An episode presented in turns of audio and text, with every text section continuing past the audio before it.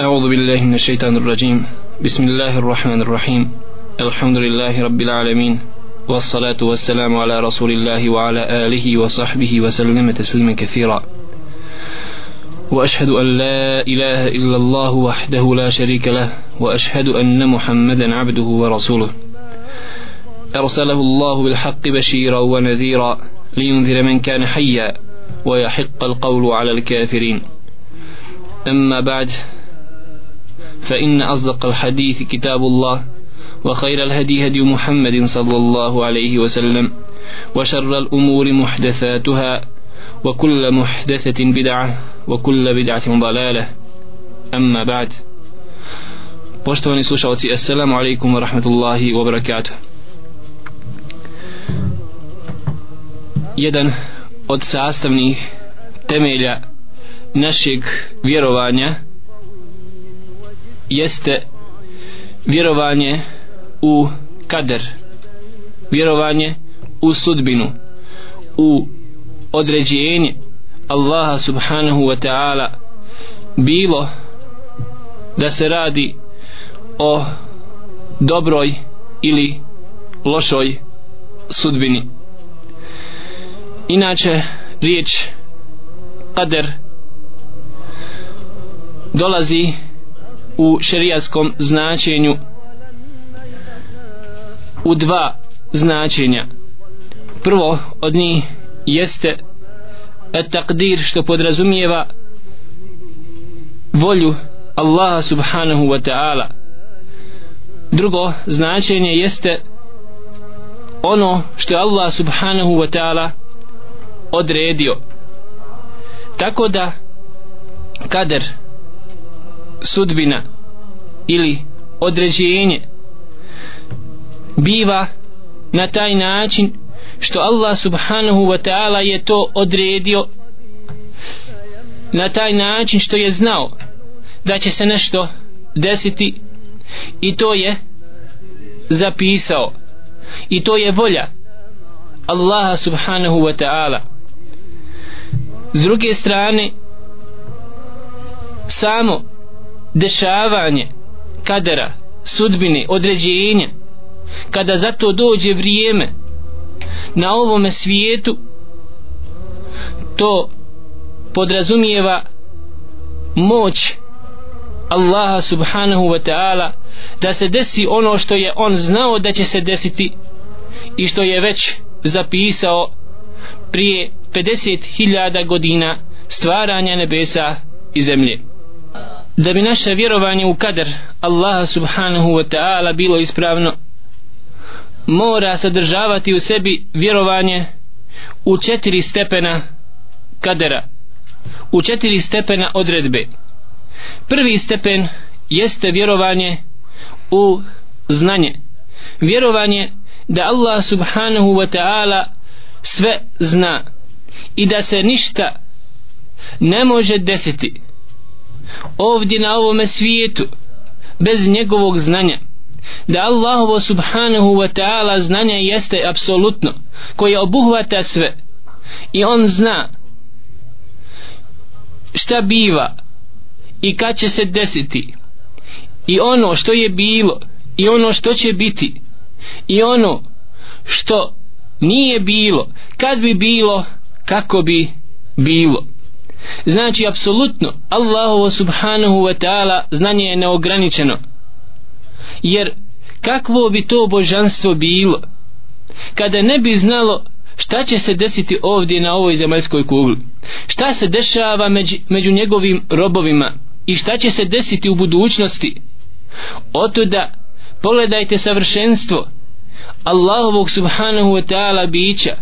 Pogledajte savršenstvo Allahovog subhanahu wa ta'ala svojstva znanja koje obuhvata sve. Zato budućnost sudbinu niko ne zna osim Allah subhanahu wa ta'ala. To je jedna od stvari koje on samo posjeduje kod sebe. Allah o tome nedvosmisleno govori gdje kaže وعنده مفاتح الغيب لا يعلمها إلا هو ويعلم ما في البر والبحر وما تسقط من ورقة إلا يعلمها ولا ولا حبة في ظلمات الأرض ولا رطب ولا يابس إلا في كتاب مبين. كاجي الله سبحانه وتعالى i on Allah žele še'nu kod sebe posjeduje on ima gaib koji ne zna niko osim on. On zna ono što se dešava na kopnu i ono što se dešava na moru.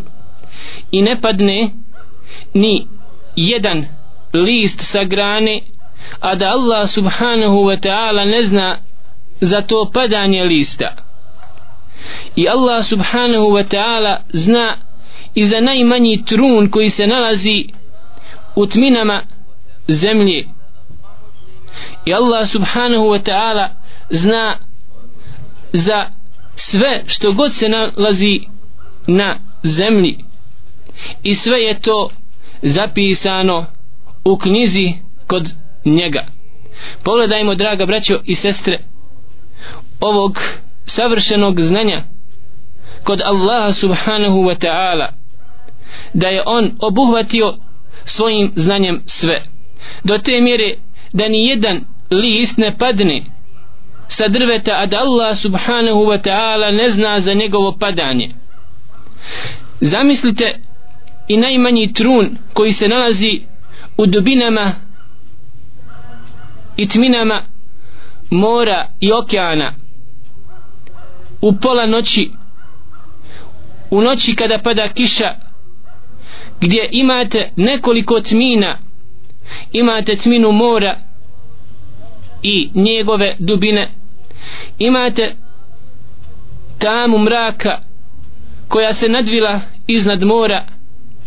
Imate kišu imate oblake. Imate nevrijeme jedno teško. Međutim sve to nije zapreka da Allah subhanahu wa ta'ala ne zna apsolutno sve. Sve šta se dešava u najdubljim morima. Kada čovjek svati ovako apsolutno i savršeno Allahovo subhanahu wa ta'ala znanje onda on se pomiri sa činjenicom da svaki događaj koji se dešava kod njega kao pojedinca ili općenito na svjetskoj sceni da je to sa znanjem Allaha subhanahu wa ta'ala otuda Allah Želešenu je znao sve šta će se dešavati na ovom svijetu i to na osnovu toga znanja on je zapisao u levhi mahfuzu u knjizi pomnoj čuvanoj koja se nalazi kod njega Allah subhanahu wa ta'ala.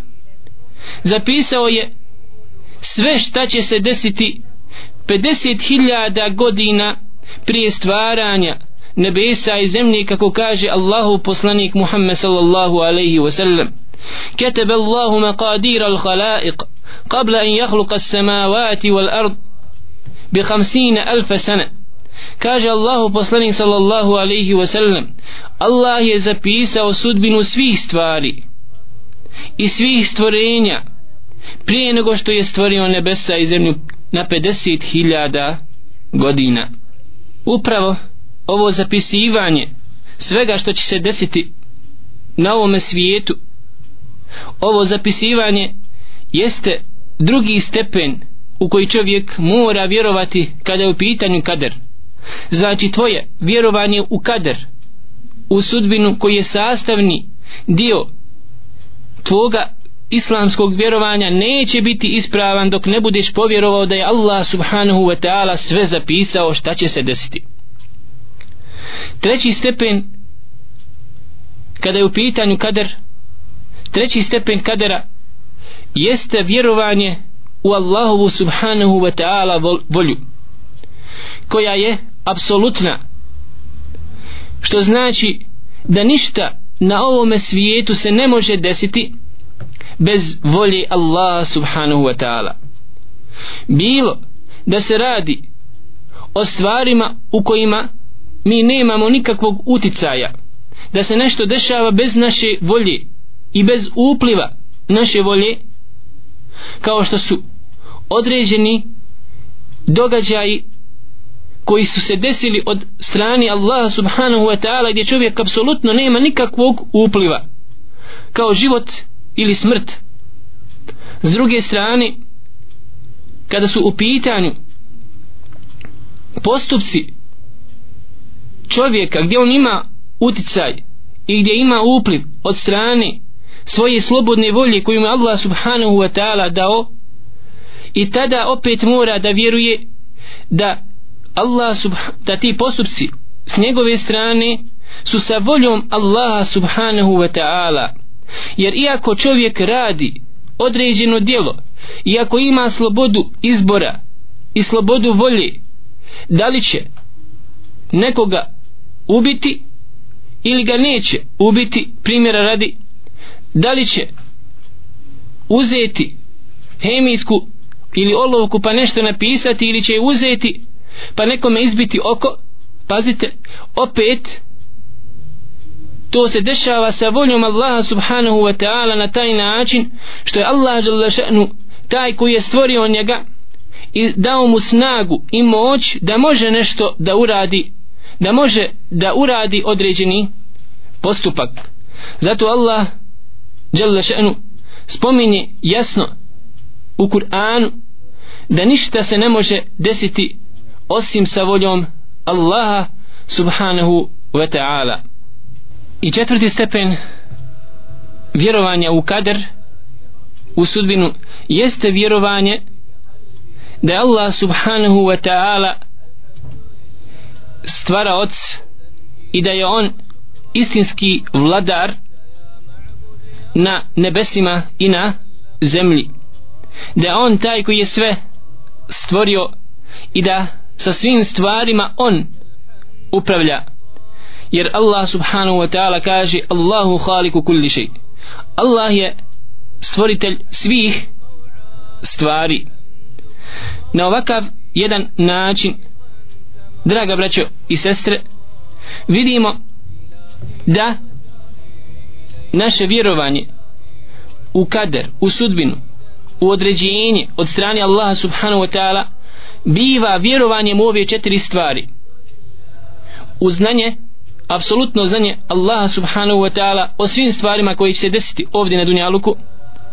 Zatim da je to Allah subhanahu wa ta'ala zapisao zatim da se sve stvari dešavaju sa njegovom voljom i njegovim htijenjem.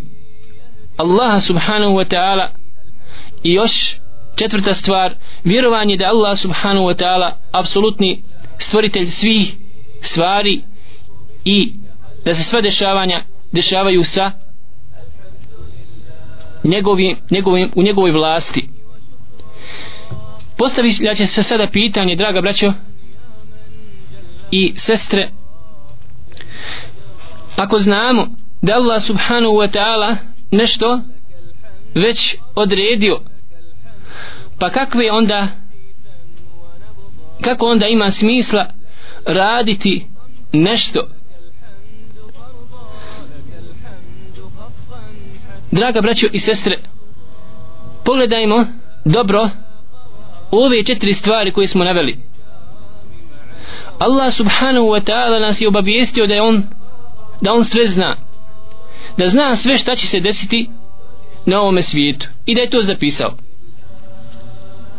Ako znamo ovu stvar onda ćemo razumjeti mnogo što šta po pitanju kadera. Zamislite čovjeka Allahu subhanahu wa ta'ala pripada najuzvišeniji primjer. Zamislite učitelja u osnovnoj školi na početku školske godine u trećem razredu osnovne škole gdje ima iskustvo sa određenim učenicima u prvom i drugom razredu. Zamislite taj učitelj koji ima iskustvo ima određeno znanje ima određene sada informacije na osnovu dvije godine radnog iskustva sa par učenika gdje na početku školske godine u trećem razredu osnovne škole kaže učenicima da će određeni njih broj propasti.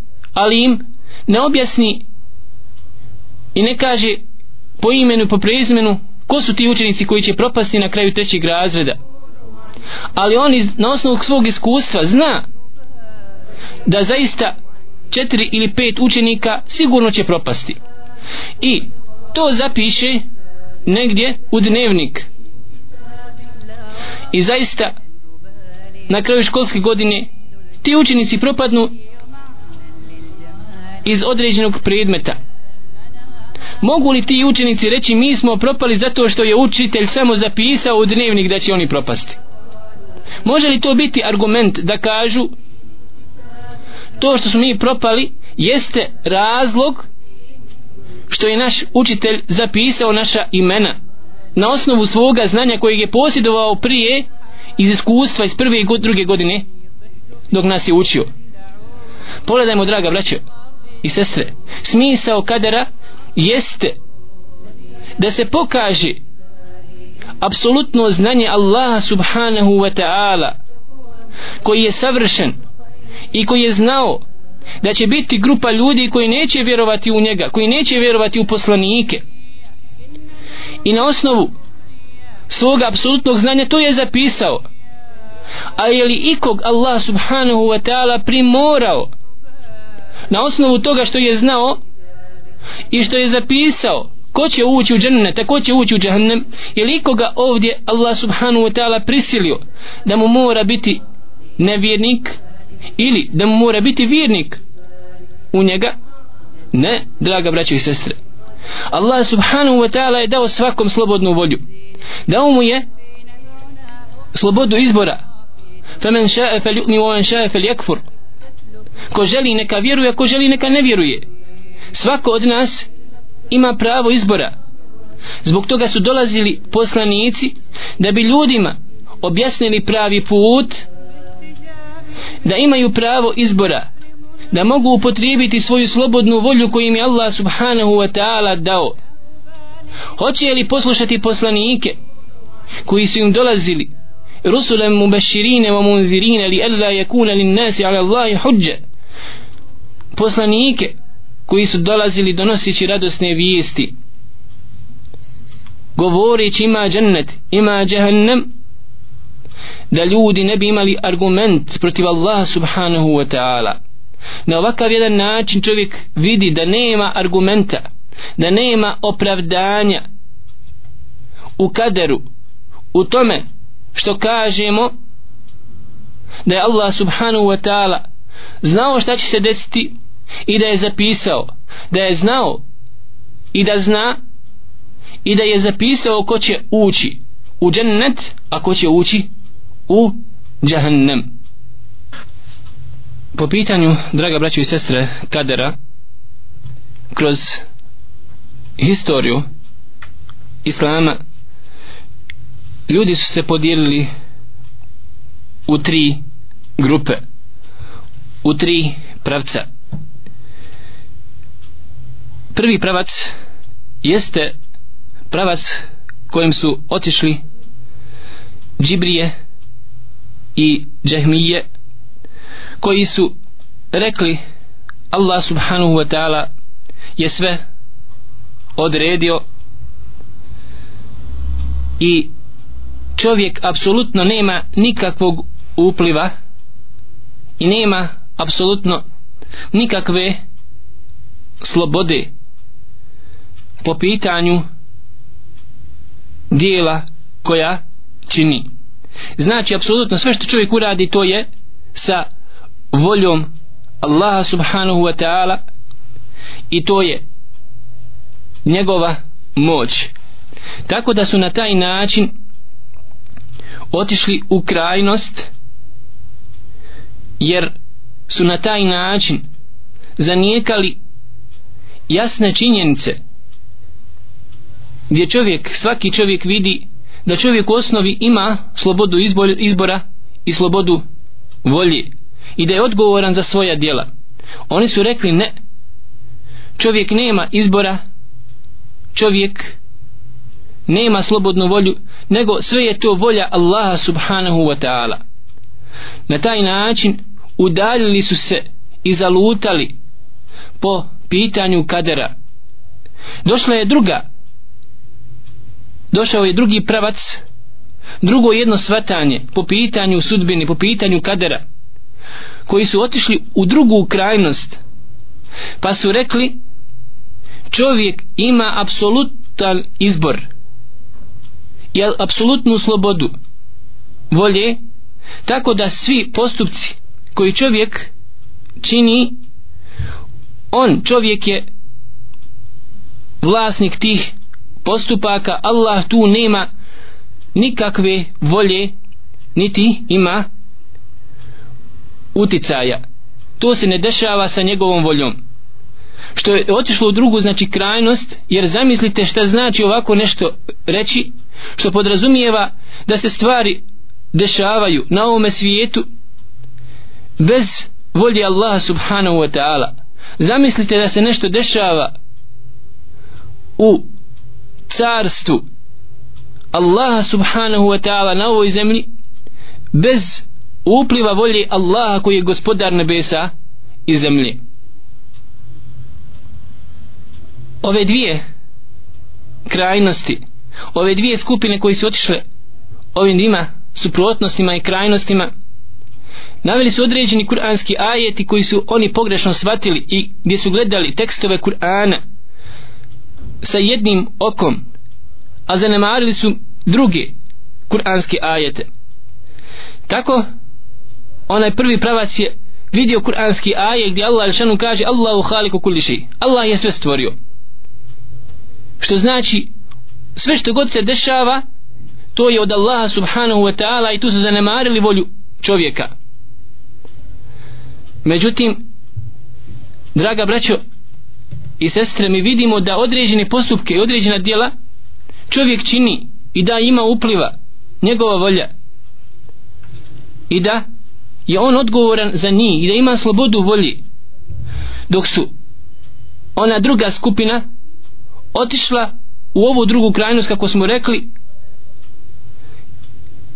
gdje su ustvrdili da je čovjek apsolutni tvorac svojih dijela i da Allah želešenu nema nikakvog upliva u njegova dijela došao je ehli sunna wal džemaa koji je čija osobina sredine kako Allah subhanahu wa ta'ala opisuje ummet Muhammeda sallallahu alaihi wa sallam وكذلك جعلناكم أمة وسطا mi smo vas učinili ummetom sredini došao je ahli sunna wal jama koji je usvrdio da sve što god se dešava da se dešava sa voljom Allaha subhanahu wa ta'ala i sa njegovom odredbom na taj način što je on znao šta će se desiti i što je to zapisao i dao je snagu čovjeku i moć da može da uradi određeno djelo a s druge strane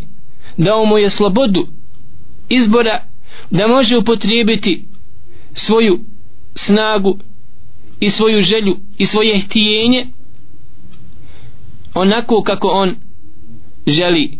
Na ovakav način ahli sunna wal jamaa spaja tekstove Kur'ana koji su došli u Allahovoj subhanahu wa ta'ala knjizi i biva ummet ummet sredine po pitanju kadera znači draga braće i sestre došao je ahli sunna wal jamaa koji vjeruje da svaki čovjek ima volju ima moć da uradi neko djelo ali je njegova volja i njegova moć vezana za volju i moć i želju Allaha subhanahu wa ta'ala što znači da Allah subhanahu wa ta'ala nije stvorio čovjeka ili da Allah subhanahu wa ta'ala nije mu stvorio moć da mu nije dao zdravlje on ne bi mogao ništa uraditi i na taj način on ne može ništa uraditi osim sa voljom Allaha subhanahu wa ta'ala. To je ono što Allah kaže u kuranskom ajetu liman sha'a minkum an yastaqim.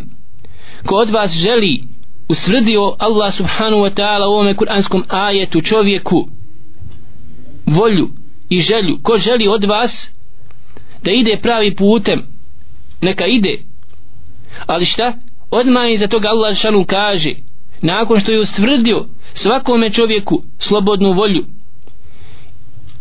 وما تشاءون إلا أن يشاء الله رب العالمين a vi ništa ne možete poželjeti i ne možete htjeti uraditi osim sa voljom i htijenjem Allaha subhanahu wa ta'ala gospodara svih svjetova. Što znači dragi brate i sestro ta tvoja moć koju imaš da uradiš neko djelo treba da znaš da Allah subhanahu wa ta'ala ako ne bude htio da ti to uradiš ti ne možeš uraditi. S druge strane ako si već uradio nešto onda je to volja i htijenje Allah subhanahu wa ta'ala da ti to uradiš a pritome znači imaš slobodnu volju. Nije te Allah prisilio da budeš vjernik ili da budeš nevjernik. Dao ti je slobodu izbora da budeš vjernik da ideš putem dženneta.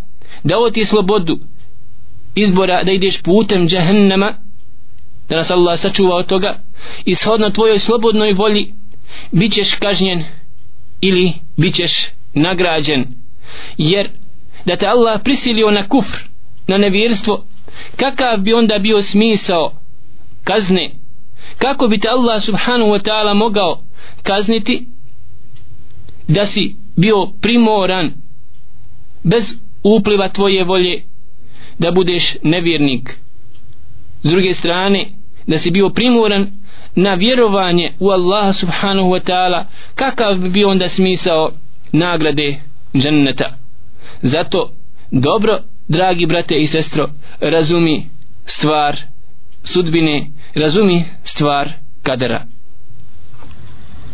A onda se može postaviti pitanje draga braćo i sestre može li se de desiti u vlasništvu Allaha subhanahu wa ta'ala odnosno na zemlji ovdje čiji je vlasnik i gospodar Allah subhanahu wa ta'ala nevjerstvo koje on ne voli ili mnogo drugih ružnih i loših dijela koje Allah subhanahu wa ta'ala ne voli kao kufr kao ubijstvo i mnoga druga nevaljala dijela.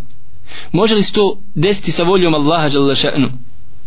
Mi kažemo draga braćo i sestre da je naše vjerovanje shodno tekstovima Kur'ana i sunnete Allahu poslanika sallallahu alaihi wa sallam da ako se podrazumijeva tu volja Allaha jalla še'nu na taj način što je on zapisao u levhi mahfuzu da će biti njegovih robova koji će biti nevjernici koji će činiti fesad na zemlji i griješiti činiti blud ubijati piti alkohol i mnoga druga nevaljala djela koja on Allah subhanahu wa ta'ala ne voli mi kažemo jeste to se dešava sa voljom Allaha na taj način što je znao i zapisao da će se to tako dešavati. Ali da li to voli Allah subhanahu wa ta'ala od svojih robova? Ne Allah ne voli. To da se dešava otuda je slao poslanike da objasni ljudima šta voli Allah subhanahu wa ta'ala a šta ne voli. Ishodno tome bit će nagrada i bit će kazna. Dobro a šta je sada sa postupcima i dešavanjima koji se dešavaju iznad naše volje koji su od strane Allaha subhanahu wa ta'ala direktno kao život i smrt i mnoga druga iskušenja i nedaće koja koje zadešavaju ljude gdje čovjek nema upliva u tome draga braćo i sestre treba da znamo da je Allah subhanahu wa ta'ala al-hakim mudar. I svi postupci sve što god se dešava na ovom svijetu jeste savršeno mudro. I sve ima svoj smisao apsolutno ima svoj smisao. Neke mudrosti od dešavanja koja se dešavaju oko nas mi možemo shvatiti i razumjeti a neke ne možemo. I nije uslov da bismo prihvatili Allaha subhanahu wa ta'ala kao onoga koji je savršeno mudar. Ali pogledajte kažemo svaki postupak od Allaha subhanahu wa ta'ala u odnosu na njegove robove jeste savršeno mudar i jeste hajr, jeste dobro. Jer pogledajte primjer čovjeka ljekara koji propiše ti da moraš izvršiti neku operaciju ili ukloniti jedan dio tijela kao prst ili nogu da se ne bi bolest proširila na ostalo tijelo. Taj postupak od strane doktora hirurga koji ti izvrši tu operaciju je savršen ili je potpun i svojstvo znači dobrote i mudrosti. Ali u odnosu na tebe sa tog aspekta gledišta to je loše jer si izgubio nogu. Ali kad pogledaš sa njegovog aspekta u odnosu s njega vidiš da je to mudar postupak jer ti je sačuvao život. Pogledajmo koliko drugih primjera imamo u svakodnevnom našem životu gdje nam se dešavaju loše i ružne stvari ali to je sa našeg aspekta gledišta u određenom momentu ružno ali u odnosu na Allaha subhanahu wa ta'ala kada vidimo na konačni izhod tih mnogih dešavanja vidimo da su oni savršeni od strane Allaha subhanahu wa ta'ala. Sjetimo se onog događaja iz sure Kehf gdje je ubio Hidr onog dječaka. To je loše djelo bilo u očima Musa alaihi salam. A kako neće biti loše? Kada je ubio dječaka koji ništa nije skrivio, nije zgriješio. Ali kada mu je Hidr otkrio tajnu tog svog postupka koji je bio po naredbi Allaha subhanahu wa ta'ala shvatio je Musa shvatio je Musa alaihi selam da je taj postupak bio ispravan i dobar od strane Allaha še'nu i da imao svoju mudrost na taj način što bi to dijete kada bi odraslo nanijelo veliku nepravdu i nasilje svojim roditeljima možda bi bilo uzrokom da njegovi dobri roditelji odu čak u kufr Allahu subhanahu wa ta'ala i vidimo koliko puta se dešava situacija da čovjek nakon 20 ili 30 godina nakon što se radovao dolasku svoga djeteta poželi da Bog dom nikada nije imao to svoje dijete da mu Allah nikada nije ni podario to svoje njegovo dijete koliko mu je postalo iskušenje draga braćo i sestre.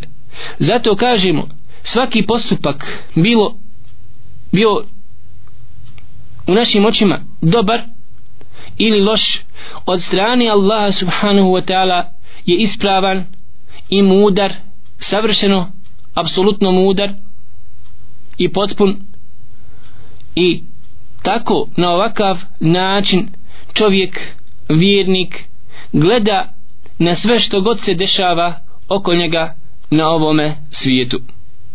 Molim uzvišnog Allaha subhanahu wa ta'ala da nas učini od onih koji će vjerovati u kader Allaha subhanahu wa ta'ala da se sve dešava sa njegovom voljom sa njegovim određenjem sa njegovim znanjem. Bilo dobro bilo zlo. Molim uzvišeg Allaha da še'nu da oprosti grijehe svima nama da oprosti grijehe našim umrlim našoj rodbini majkama očevima svim muslimanima koji su preselili se la ilaha illallah muhammadur rasulullah أقول قولي هذا وأستغفر الله لي ولكم لسائر المؤمنين فاستغفروه إنه هو الغفور الرحيم